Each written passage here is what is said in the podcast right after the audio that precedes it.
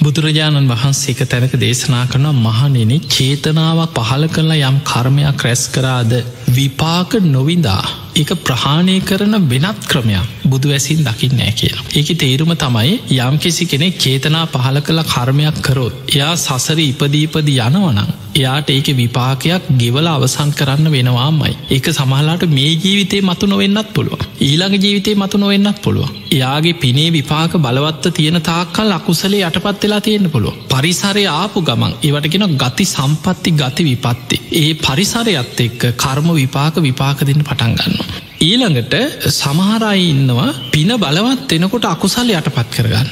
දැන් අපි ගම සමහරුන්ට කරදර බාධයනකොට සැන් සාමාන්‍ය සමාජය තුළ මේ ලොකෝට කර්ම විපාක විශය ගැන කතා නොකෙරුවත් ඒ මිනිස්සු ප්‍රායෝගික ජීවිතය තුළ දන්න හරියට කරදරෙනකොට සමරු දේවාලෙකට හරිකො කේන්දරයක් බලන්න හරි ගිහිල්ල කියනවා අපල අපල. ඒ නිසා පින්කං කරන්න. හැබැයි එතන යොමු කරන්නෙත් පින්වලට. බෝධි පූජාහතක් තියන්න කියයි. බලු කපුටු දානයක් හරි දෙනක මොනවහරි දානාදී පින්කංක සතෙකුට කෑමටිකක් දුන්නත් ආත්ම සීයක් කානිසංස ලැබෙන පිනක් කිය. එතකොට නිතර බුදුගුණ කියනවා බෝධි පූජා තියෙනවා පන්සලට යනවයිනවා ඒ පින් ගොඩා කරනකොට අර අකුසල්වල විපාක ශක්තිය යටපත්වෙලා යන නැතිවෙන්න ඒව යටපත්වෙනවා පින බලවත්වෙනවා ආයි කාලයක් ගිහිලා ආයි මතුවෙන්න පුළුව දැන් අපි ගමු මේ කර්ම විපාක විපාක දෙනකොට දැන් අපි හිතම කෙනෙක්කින්න පින් පව් දෙකම කරපු කෙනෙ. එයාට පින පැත් මරණ මංචකේ පින පැත්ත බලවත් වනොත් මරණ මංචකේ. එයා මරණින්මත්ය උපදිනවා දිවියලෝකේ.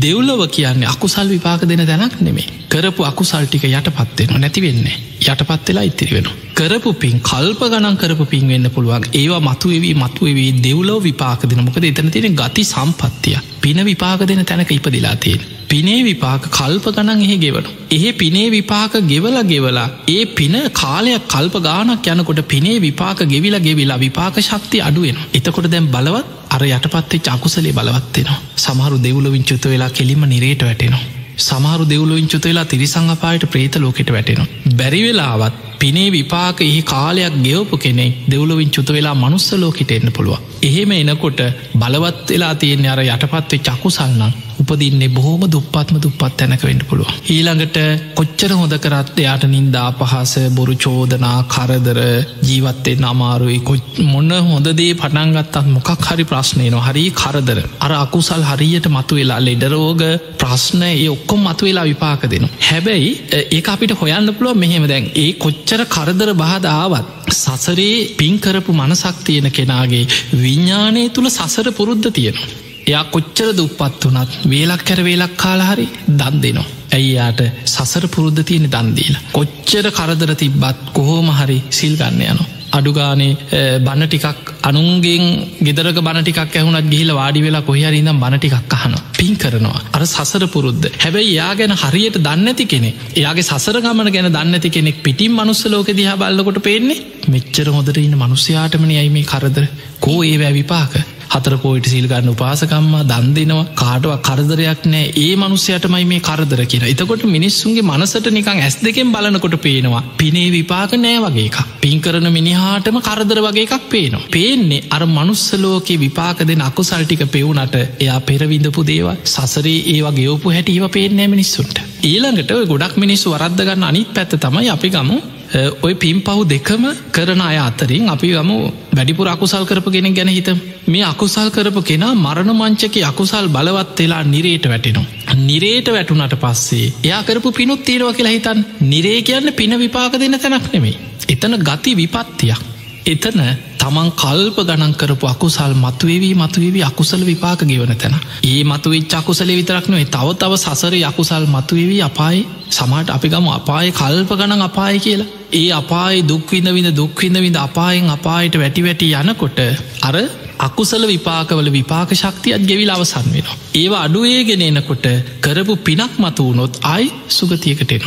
දැ අප හිතම අපාය කල්පගන දුක්කිදල මනුස්සලෝකෙටාව කියලා පින මතු වෙලා දැන් එයාගේ අකුසල් එහි ගොඩක් ගෙවල තියෙන. එයා මනුස්සලෝකට එන්නේ පිනක් බලවත් වෙලා. උපදින්නෙම සමහල්ලාට බොහොම පොහොසත් තැනක. පෙනුමෙන් ගත්තත් රත්තරම් පාටයි බොහොම පෞර්ෂවත් බැබලේනවා. තැනකට ගිහා මිනිස්සුන්ට නිකම් නැකිට්ට වෙනවා. මිනිස්සු ගරු කරනවා. කීර්තිය ප්‍රසිද්ධිය ප්‍රසංසාව යානවාහන සල්ලි මොන ව්‍යාපාරි පටන්ගත්තත් බලාගෙන හිටියන් දියුණු වෙනවා. හැබැයි ඒ පුද්ගලයාගේ විඤ්ඥානේ සසර පුරුද්ධ තියෙන්නේ කුසලෙට නෙමේ කල්ප ගනන් අපායිනං ආපු කෙනෙ එතකොට යාගේ පුරුද්ධ තියෙන අකුසලේට කොච්චර සල්ලි තිබ්බත් කාටවත් උදව්වක් උපකාරයක් කරන්න හිතෙන මෙන්නේ. දානයක් දෙන්න හිතෙන්නේ. පිනක් කරන්න හිතෙන්නේ. පටන්ගත්තොත් පටන්ගන්න මොනවාහරි දුරාචාර ව්‍යාපාරය සල්ලාලකං දුස්සීලකං ඊළඟට නොයෙක් අපරාධ.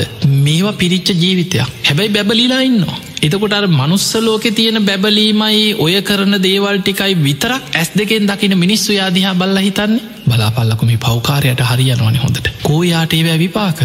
ඔය පෞකරටේ වැවිපාකයක් නෑ නොව හොඳට වැජබිලා ඉන්න පෞකරණය උන්ටන අද කාලි හරියන්නේ. අන්නේම හිතනවා. එහෙම හිතන්නේ ඇස් දෙකෙන් පේන ටික විතරක් බලලා. එයාට යාගේ සංසාරගමන පේන්නේ ඒ නිසා මේ ඇස් දෙකෙන් බලලා කර්මය ගැන කර්ම විපාක ගැන නිගමන දෙන්න ගියොත් අපි පැටලෙනවා. අපි මිත්‍යා දෘෂ්ටිවලට වැටෙනවා. ඒනිසයි බුදුරජාණන් වහස පෙන්න්නේ කර්ම විපාක අචින්තයයි. ඉළඟට ඔය ප්‍රශ්නය ඇහුවේ ගෙවල අවසන් කරන ක්‍රමේ කර්ම විපාක අවසන් කරන්න තියෙන්නේ එකම මාර්ගයයි. ඒ තමයි ආර්යෂ්ඨායික මාර්ගය. ඒකට බුදුරජාණන් වහන්සේ පෙන්වේ කම්ම නිරෝධ ගාමිණී ප්‍රතිපදාව කියලා. අහෝසි කර්මවෙන්න එතනින් විතරයි. ඒකැන් දැන් අපි ගම. අපි මේ ජීවිතේ කොහෝමහරි වීරිය වඩල සෝවාන් වනා කියලා. සතරාපායගාමි යම්තා කර්මති බදෙවොක්කොම හෝසි වෙන ආත්ම හතකින් එහා උපදින්න යම්තා කර්මතිබද ඔක්කොම හොසි වෙන. අන්න හොසි වෙලා යන හැටි කර්ම විපාක. එයා මේ ජීවිතයේ සකදාගාමයවුණොත් කාමලෝක එක පාර උපදින් එතනින් එහා විපාක දෙන්න තිබ සියලු කර්ම හෝසි වෙලායන යාට ආය උපදින්න තැනක් නැතුවෙනකොට විපාක දෙන විදිහක් නෑ. එයා මේ ජීවිතය අනාගාමියවුණොත් කාමලෝක උපදින් නෑ කියනවා. එතකොට කාමලෝක විපාක දෙන්න සසර යම්තා කර්මති බදේ ඔක්කොම විපාක දෙන්න පරිසරයක්නය අහෝසි වෙන එයා සුද්දාවාස බඹලෝ ඉපදිලා එහි පිරිනිවන් පාන මේ ජීතේ රහත් වෙච්ච කෙනා පිරිනිවන් පානකං සමහර කර්ම මතුවේ විපාක දින යට කෙන ප්‍රෘත්ති විපාක කිය රහතන් වහසේලටත් මතුවෙන විපාක තියෙන හැබැයි පිරිනිවන් පෑවට පස්සේ තරින්ගව රෑ විපාක දෙන්න පරිසරයක් නෑ තිය නිසා කර්ම විපාක නැති කරගන්න අහෝසි කරගන්න තියෙන එකම මාර්ගේ ඒ අහෝසි කර්ම බවට පත් කරගන්න තියෙන ආර්යෂ්ඨායක මාර්ගය තුළ විතර ඒ අරෙන් අපි පින් කරනකොට අකුසල් යටපත්වෙනවා මිසක් නැතිවීමක් වෙන්න කවදාහරි සසරේ. අපේ පින ගෙවිල් අවසන් වෙච්ච දවසක අපි සමල්ලට දුගතිය වැටිච්ච වෙලාව කර යටපත් වෙච්ච එක මතු වෙලා විපාක දෙනවා. ඒ නිසා කර්ම විපාක කියන්න අපිට පාලනය කරන්න පුළුවන් දෙයක්කත් ඊළඟට කෙනෙකුට මේ බුදු දහම බුදු හාමුදුරුකර පනෝන එකන්නෙමේ ඒක කර්ම විපා ඒක වෙනම ධර්මතාවය බුදුරජාණන් වහන්සේ කරන්න මේ යන ස්භාවය වටහාගෙන පෙන්නලදීලා හැම බුදු කෙනෙක්ම පෙන්නනොයි සබ්භ පාපස්සා කරන සියලු පාපි අකුසල කර්මයන්ගේ වලකින්. කුසලස් උප සම්පදා පුළුවන් තරම් පින්කං කුසලකර්ම කුසල් කරන්න. සචිත්ත පරියෝධපන තමන්ගේ හිත දමනය කරගන්න. ඒකතයි බුදුවරුන්ගේ අනු ශාසනා ඒ තුළ කටයුතු කරපු කෙන අරාර්යෂ්ඨායක මාර්ග වඩාගෙන කර්ම විපාක හෝසි කරගෙන සසරින් ගැලවිලා මිදිලෑනවා ඒක තමයි කර්මයන්ගෙන් මිදන්න තියෙන මග